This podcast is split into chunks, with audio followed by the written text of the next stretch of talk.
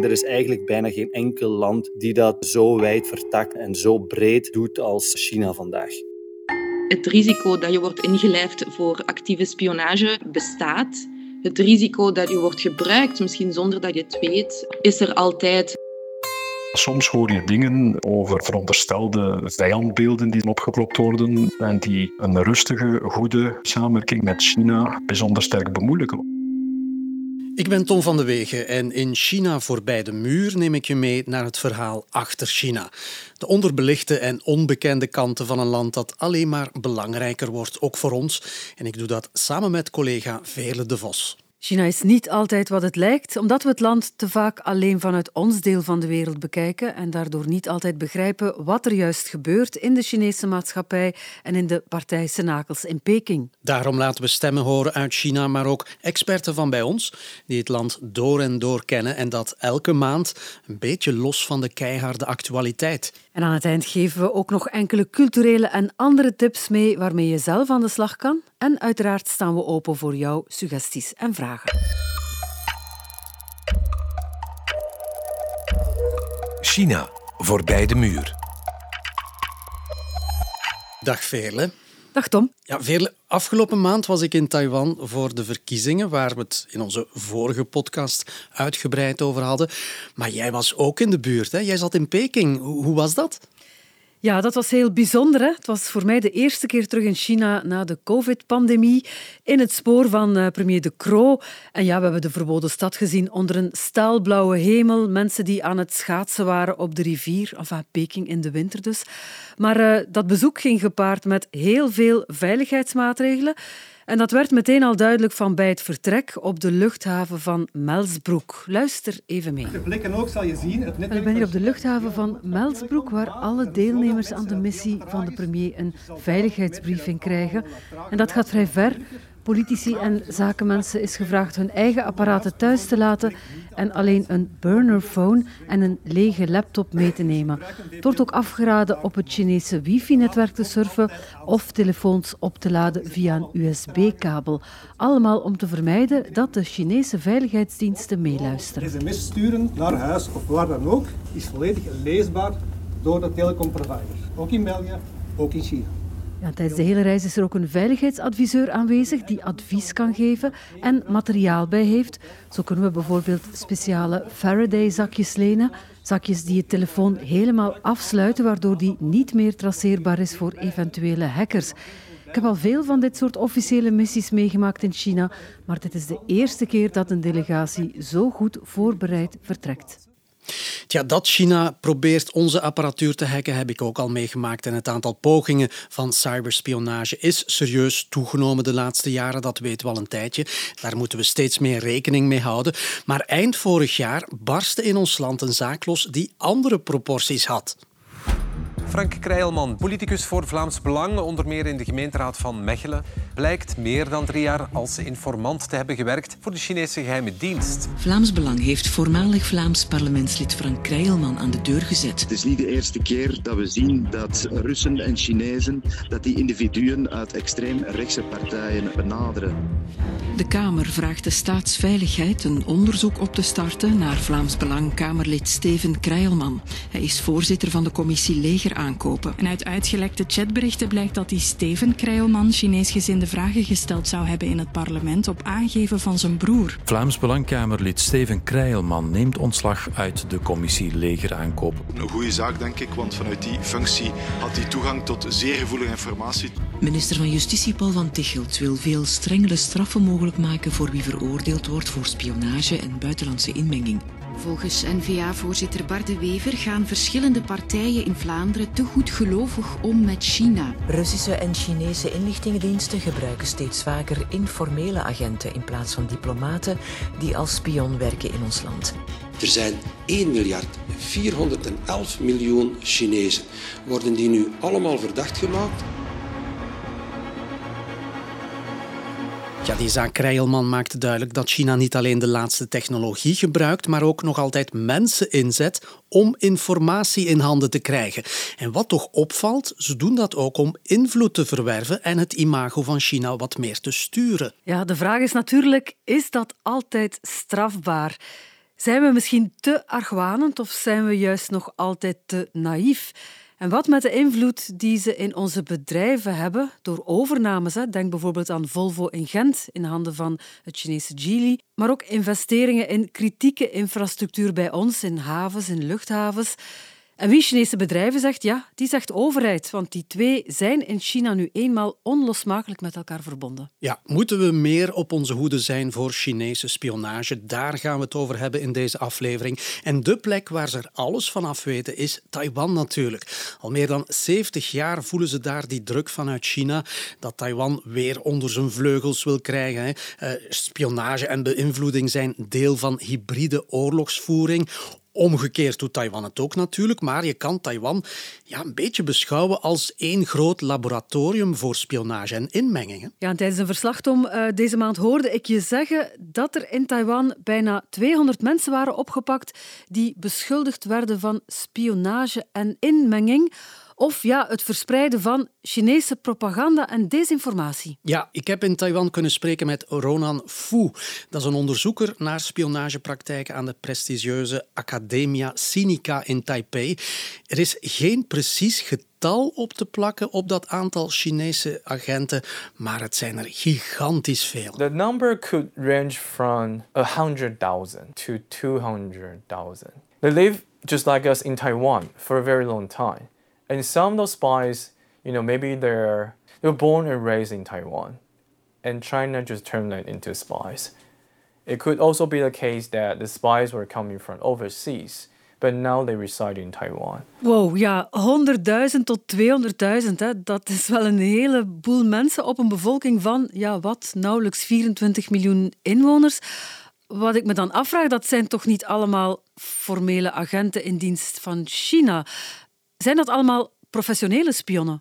Nee, alhoewel er af en toe wel eens een uh, spectaculair verhaal opduikt in Taiwan van militairen die voor China blijken te werken. Uh, onlangs was er een Taiwanese luitenant-kolonel die wou overlopen naar China. Hè. Zijn vliegtuig stond zelfs al klaar toen hij werd opgepakt. Hij bleek een heel spionnennetwerk uitgebouwd te hebben. En ja, dat zijn echt verhalen die doen denken aan de Koude Oorlog. Hè. Maar het gaat veel verder dan dat volgens Ronan Fu. So it could be anyone. Yeah, and could be also perhaps an influencer on the internet or on YouTube, right? So a YouTuber, uh, which is likely to spread, you know, information in favor of China, could be targeted. Uh, so it could be anyone.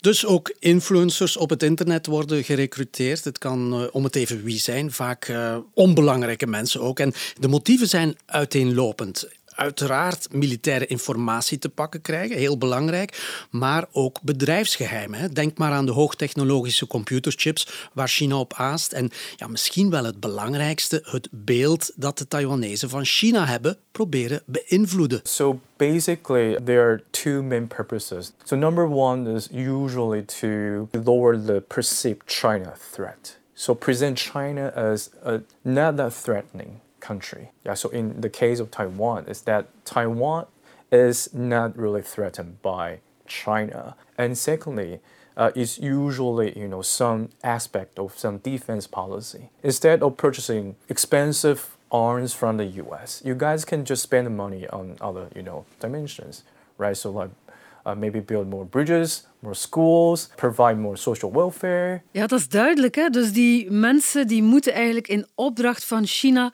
de argwaan van de Taiwanese tegenover China wegnemen, China minder als een bedreiging zien en dus ook minder gaan uitgeven aan defensie bijvoorbeeld. Ja, en belangrijk om te weten, Taiwan is niet echt streng. Hè. Tot voor enkele jaren waren er maar lichte straffen voor spionage, eh, omdat het zo vaak gebeurde. Het was dus een goede bijverdienste, zou je kunnen zeggen. Maar eh, recent heeft de Taiwanese overheid die straffen flink opgetrokken. Er staat nu 12 jaar cel op spionage.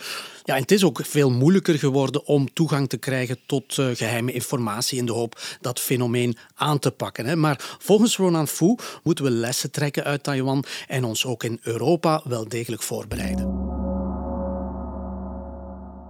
Ja, een organisatie die onderzoek doet naar hoe China bij ons invloed probeert te krijgen in Europa is de NGO Safeguard Defenders. Zij zijn vooral bezig met mensenrechten, met burgerrechten in Azië. Ken je hen, Tom? Ja, is dat niet die organisatie die onthulde dat er Chinese politiekantoren actief zijn in verschillende grote Europese steden, eh, zoals ook in Nederland, in Italië, een soort van lange arm van de Chinese staat in het buitenland. Eh, klopt dat? Ja, dat klopt. Hè. Dat uh, is inderdaad die organisatie. Nu, die Chinese politiemannen hebben ze bij ons niet gevonden, maar volgens Safeguard Defenders zijn er in ons land wel 53 zogenaamde vrijwillige consulaire agenten actief. En dat zijn mensen uit de Chinese gemeenschap of uh, Chinezen die hier verblijven, die landgenoten bijstaan met praktische zaken, zoals het vernieuwen van een rijbewijs of een paspoort bijvoorbeeld. Ja, dus Chinezen die Chinezen helpen in het buitenland, dus, uh, omdat ze bijvoorbeeld de taal niet spreken. Ja, inderdaad. Nu, ik moet erbij zeggen dat het systeem bestaat ook in andere landen. Maar die Chinese vrijwilligers die doen veel meer dan alleen maar dat, zegt Laura Hart, die in Rome voor die organisatie werkt. De manier waarop dat die vrijwilligersnetwerken zijn opgezet, maakt duidelijk dat het programma deel uitmaakt van dat bredere invloedsnetwerk dat tot doel heeft steun voor standpunten van de Chinese Communistische Partij te mobiliseren het beleid van gastlanden te beïnvloeden en negatieve of kritische standpunten te onderdrukken. Ja, met andere woorden, die consulaire vrijwilligers worden dus ook ingezet om de Chinese diaspora, studenten, onderzoekers, zakenlui te controleren, zorgen dat ze mooi in de pas blijven lopen en de lijn van Peking aanhouden. Nu, achter die consulaire vertegenwoordigers zit dan ook een hele machtige organisatie die volledig ten dienst staat van de communistische partij, het zogenaamde United Front. Kort gezegd kunnen we het United Front, het Verenigd Front, beschrijven als het voornaamste invloedsnetwerk van de Chinese Communistische Partij. Aan de ene kant is het de taak van het United Front om steun voor standpunten van de Chinese Communistische Partij te mobiliseren het beleid van gastlanden te beïnvloeden en dan die negatieve of kritische standpunten te gaan onderdrukken.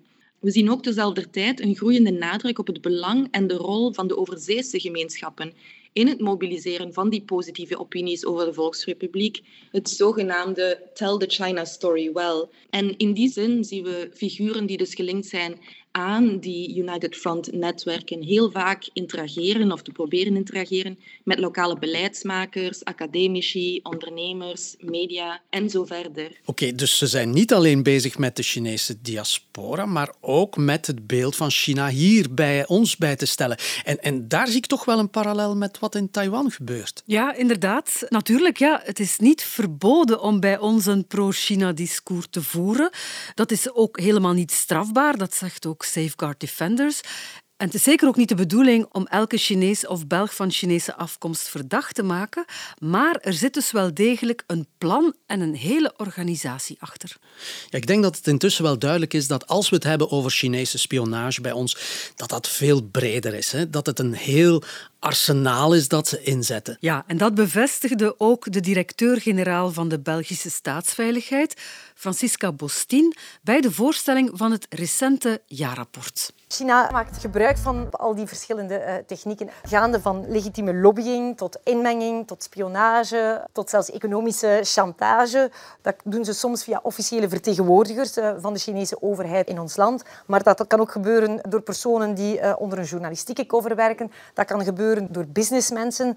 Het is heel gemakkelijk voor China om mensen naar China te halen in het kader van een bedrijfsbezoek of een economische missie. En dan, voilà, vaak is dat de start van het leggen van contacten, waar ze dan later proberen op voor te bouwen. Ja, ik hoorde daarnet ook al even dat het vaak uh, ook academici zijn die af en toe worden benaderd door China.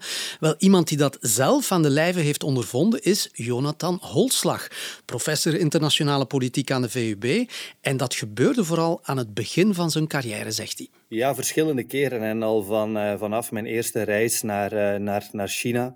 Ik uh, moest de eerste keer naar Shanghai mijn vlucht zelf betalen. En bij afscheid na een seminarie bood men mij een, een heel dik gevulde enveloppe met dollarbiljetten aan als begin van de samenwerking, zoals dat heet. Maar vaak is het ook veel subtieler. Dus misschien niet meteen omkoping, maar eerder een vorm van incorporatie, zoals dat heet, om erbij te horen, om toegang te krijgen.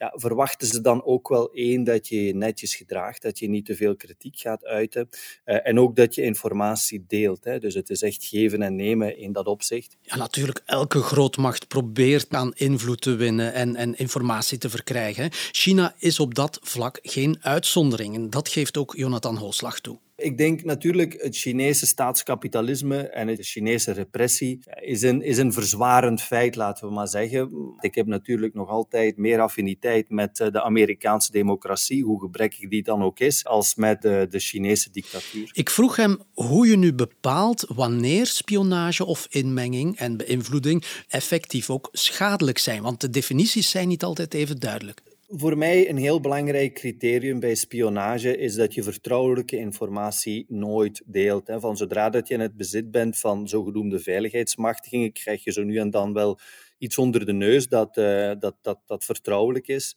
En daar mag je op geen enkel moment aan refereren, op geen enkel moment naar, naar verwijzen. Dus daar moet je bijzonder gedisciplineerd in zijn. Ook ervoor zorgen dat je die dingen nooit op je private computer hebt staan. Maar misschien wel het grootste criterium is of je er iets voor krijgt om informatie los te peuteren of om het debat te beïnvloeden.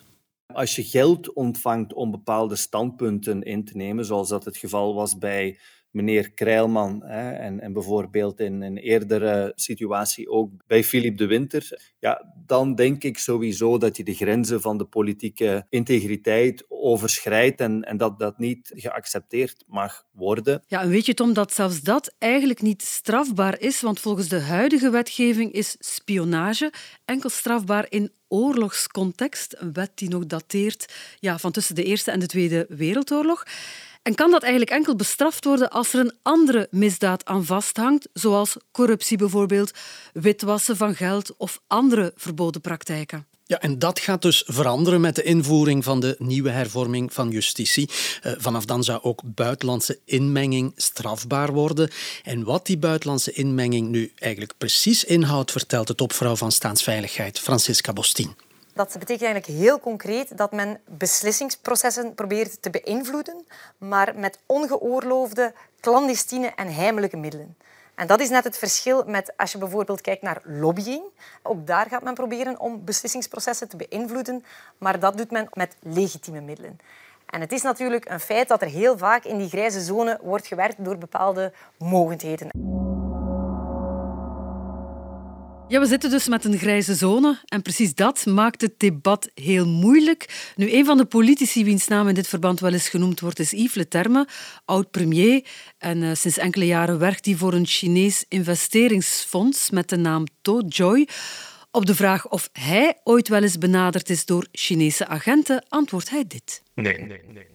Ja, dat is duidelijk. Inderdaad, nu Yves Le Terme krijgt wel vaak vragen van Chinezen over hoe beslissingsprocedures in ons land lopen en in de Europese Unie bijvoorbeeld. Op die vragen antwoordt hij altijd, maar hij is formeel. Hij heeft nooit de vraag gekregen om die beslissingen te beïnvloeden.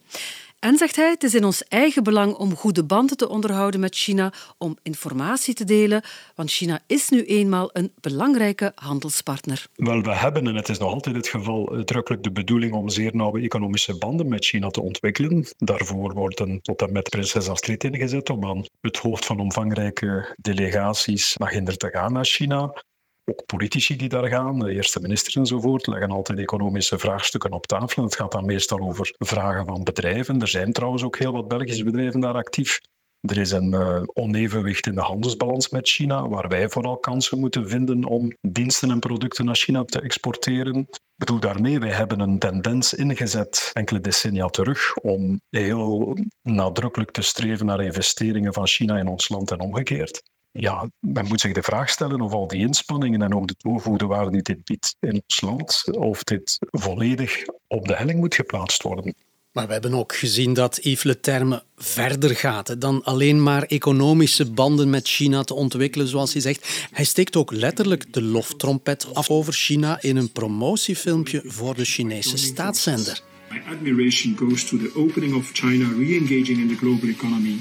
And of course, to the unprecedented economic and social progress that has been made since then. Ja, Yves Le Terme spreekt dus zijn bewondering uit voor de gigantische sprong die China gemaakt heeft de laatste jaren, de welvaart die het heeft gecreëerd, het aantal mensen dat het uit de armoede heeft gehaald. Ja, en zelf zegt hij dat hij er geen graten in ziet om dat te vertellen op de Chinese televisie. Integendeel, hij heeft oprechte bewondering voor wat het land de afgelopen decennia heeft klaargespeeld. Ik ben van oordeel dat bijvoorbeeld de sociaal-economische vooruitgang die de afgelopen decennia is geboekt in China, ook in Zuid-Korea en een aantal andere plekken in de wereld, maar dat bijvoorbeeld met name die sociaal-economische ontwikkeling in China, vooruitgang, dat dit misschien na de Europese integratie, dat dat een van de meest markante positieve ontwikkelingen is van na de Tweede Wereldoorlog. En ik zeg dit hier, ik zeg dit ginder. Ik blijf dat een feitelijke waarheid vinden. Ik sta er trouwens niet mee alleen. Denk bijvoorbeeld als we erin slagen als wereldbevolking om een aantal ontwikkelingsdoelen te realiseren, dat dat uh, in heel belangrijke mate te danken is aan de vooruitgang die geboekt is op verschillende domeinen in China. Bon, maar we zitten nog altijd in die grijze zone dus. Hè. Misschien is het wel tijd om een gedragscode in te voeren voor politici als het gaat over wat ze kunnen en mogen doen voor een buitenlandse mogendheid. Dat zegt ook iemand als Jonathan Holslag, die vindt dat de politiek te laat in gang is geschoten. Ik denk dat een code of conduct, hè, dat, um, dat richtlijnen heel belangrijk zijn voor, uh, voor politici, um, huidige en, uh, en nieuwe, dat dat ook uh, moet gelden voor onderzoekers, voor professoren. En dat er inderdaad veel meer toezicht moet zijn. Wij zijn een bijzonder open land en dat is goed en dat moet ook zo blijven, maar dan betekent het wel dat onze inlichtingendiensten in staat moeten zijn om die uitwisselingen in de gaten te houden. Dus meer toezicht en het verstevigen van onze inlichtingendiensten blijft daarbij echt wel een, een belangrijke prioriteit. Ja, we moeten inderdaad voorzichtig zijn als het over China gaat. Dat vindt ook Yves Le Terme. We moeten ook opletten met de Chinese technologie die we in huis halen. Maar hij waarschuwt toch ook voor een overdreven vijandbeeld. Ik denk dat we moeten oppassen voor hysterie. Enerzijds vind ik dat we op een zeer evenwichtige, rationele manier onze eigen belangen moeten verdedigen. Dus moeten zorgen wanneer hier technologie wordt toegepast, Aziatische technologie, Chinese technologie met name, dat een aantal van onze basisbelangen niet in gevaar komen.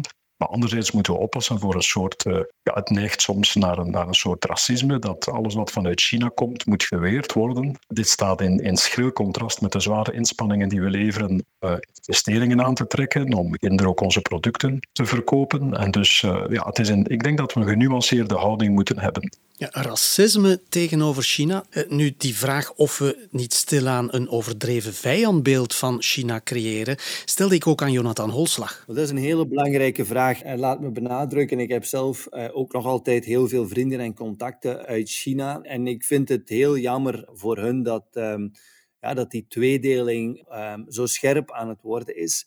Maar het feit blijft natuurlijk dat je een communistisch regime hebt dat in verschillende beleidsdocumenten blijft pleiten om die diaspora, de Chinese staatsburgers, in het buitenland te gebruiken als een wapen. En dat vind ik een heel verwerpelijk uh, beleid. Ja, naïef mogen we inderdaad niet zijn, dat zegt ook Yves Le Terme. Maar landen met een andere vorm van beleid of een andere ideologie links laten liggen en er geen zaken meer mee doen, is ook geen optie. En al helemaal niet als het over China gaat. Ik denk dat wij een andere visie hebben over hoe je een staat inricht, hoe je gezagsuitoefening legitimeert. Maar, maar als je dit gaat hanteren als criterium om al dan niet samen te werken met landen in de wereld, dan heb je ongeveer de helft van de wereld waarmee je niet kunt samenwerken. Met bepaalde landen kunnen we ons dat trouwens niet permitteren. Ja, en zo zijn we terug bij onze centrale vraag van vandaag.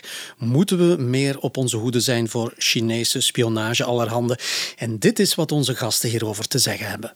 Once the US and China continued to engage in like a strategic competition, trying to drive the wage, you know, from each other's backyard. Yeah, my prediction is that you better be ready for Chinese spies. Ja, absoluut. Dat leidt geen twijfel meer op onze hoede zijn. En er vooral ook voor zorgen dat we wendbaar en weerbaar blijven in een wereld waar van alle kanten, vanuit het oosten, vanuit het zuiden en ik denk vrees ook steeds meer vanuit het westen onder druk worden gezet. Absoluut. De volledige bevolking, het volledige staatsapparaat, het volledige partijapparaat wordt gebruikt om invloed te gaan uitoefenen, om informatie te vergaren, om die, laten we zeggen, agressieve, dat nieuw geopolitieke beleid naar voren te schuiven. Dat is heel gevaarlijk, dus ik denk, we zijn te naïef en er is nog veel werk aan de winkel. Onze welvaart heeft vrijhandel nodig zoals een menselijk lichaam zuurstof nodig heeft. Dus het is voor mij geen optie om ons af te sluiten voor verdere verdieping van economische relaties met China. Maar natuurlijk, dit moet gebeuren met vrijwaring van onze eigen belangen, zowel op economisch vlak als vlak van veiligheid. China, voorbij de muur. Ja, en we hebben ook nog cultuurtips beloofd. Tom, wat heb jij deze keer meegebracht? Ja, Chinees nieuwjaar komt eraan natuurlijk. We nemen afscheid van het jaar van het konijn. En vanaf 8 februari begint het jaar van de draak. Eh, die draak staat voor de Chinese symbool voor kracht en succes. Eh, dus dat moet een jaar vol verandering en uitdagingen worden. De Chinese gemeenschap, en voor alle duidelijkheid, velen, dat hebben we gehoord in deze podcast. Nee, dat zijn niet allemaal spionnen. Uh, viert dat met heel wat feestelijkheden in ons land. De meeste activiteiten zijn in Antwerpen, want daar leeft de grootste groep. Eh, maar die feestelijkheden zijn voor iedereen toegankelijk. Op zaterdag 10 februari is er een hele dag een Chinees nieuwjaarsfestival met heel wat workshops, van acupunctuur tot Chinese kruiden, noem maar op. En er is ook de beroemde Leeuwendansparade in de namiddag.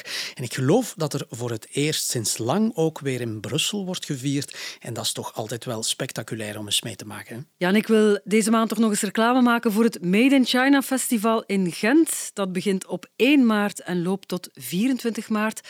Programma staat intussen online en er is een hele week lang Chinese film te zien. Maar er is ook poëzie en literatuur met verschillende Chinese auteurs die langskomen. Er is een masterclass Chinese film in samenwerking met het KASK en workshops Chinees koken. En Tom, als kers op de taart de opname van onze podcast live bij te wonen in de Minaar Schouwburg in Gent. Tickets zijn online te krijgen vanaf 1 februari. Snel bij zijn is de boodschap. Boodschap. Onze mailbox is er ook nog altijd. Eh, mail al je opmerkingen en ideetjes naar China voorbij de muur vrt.be. Ja, en voor nu bedankt om te luisteren. En zoals ze in China zeggen, zaijian. Zaijian.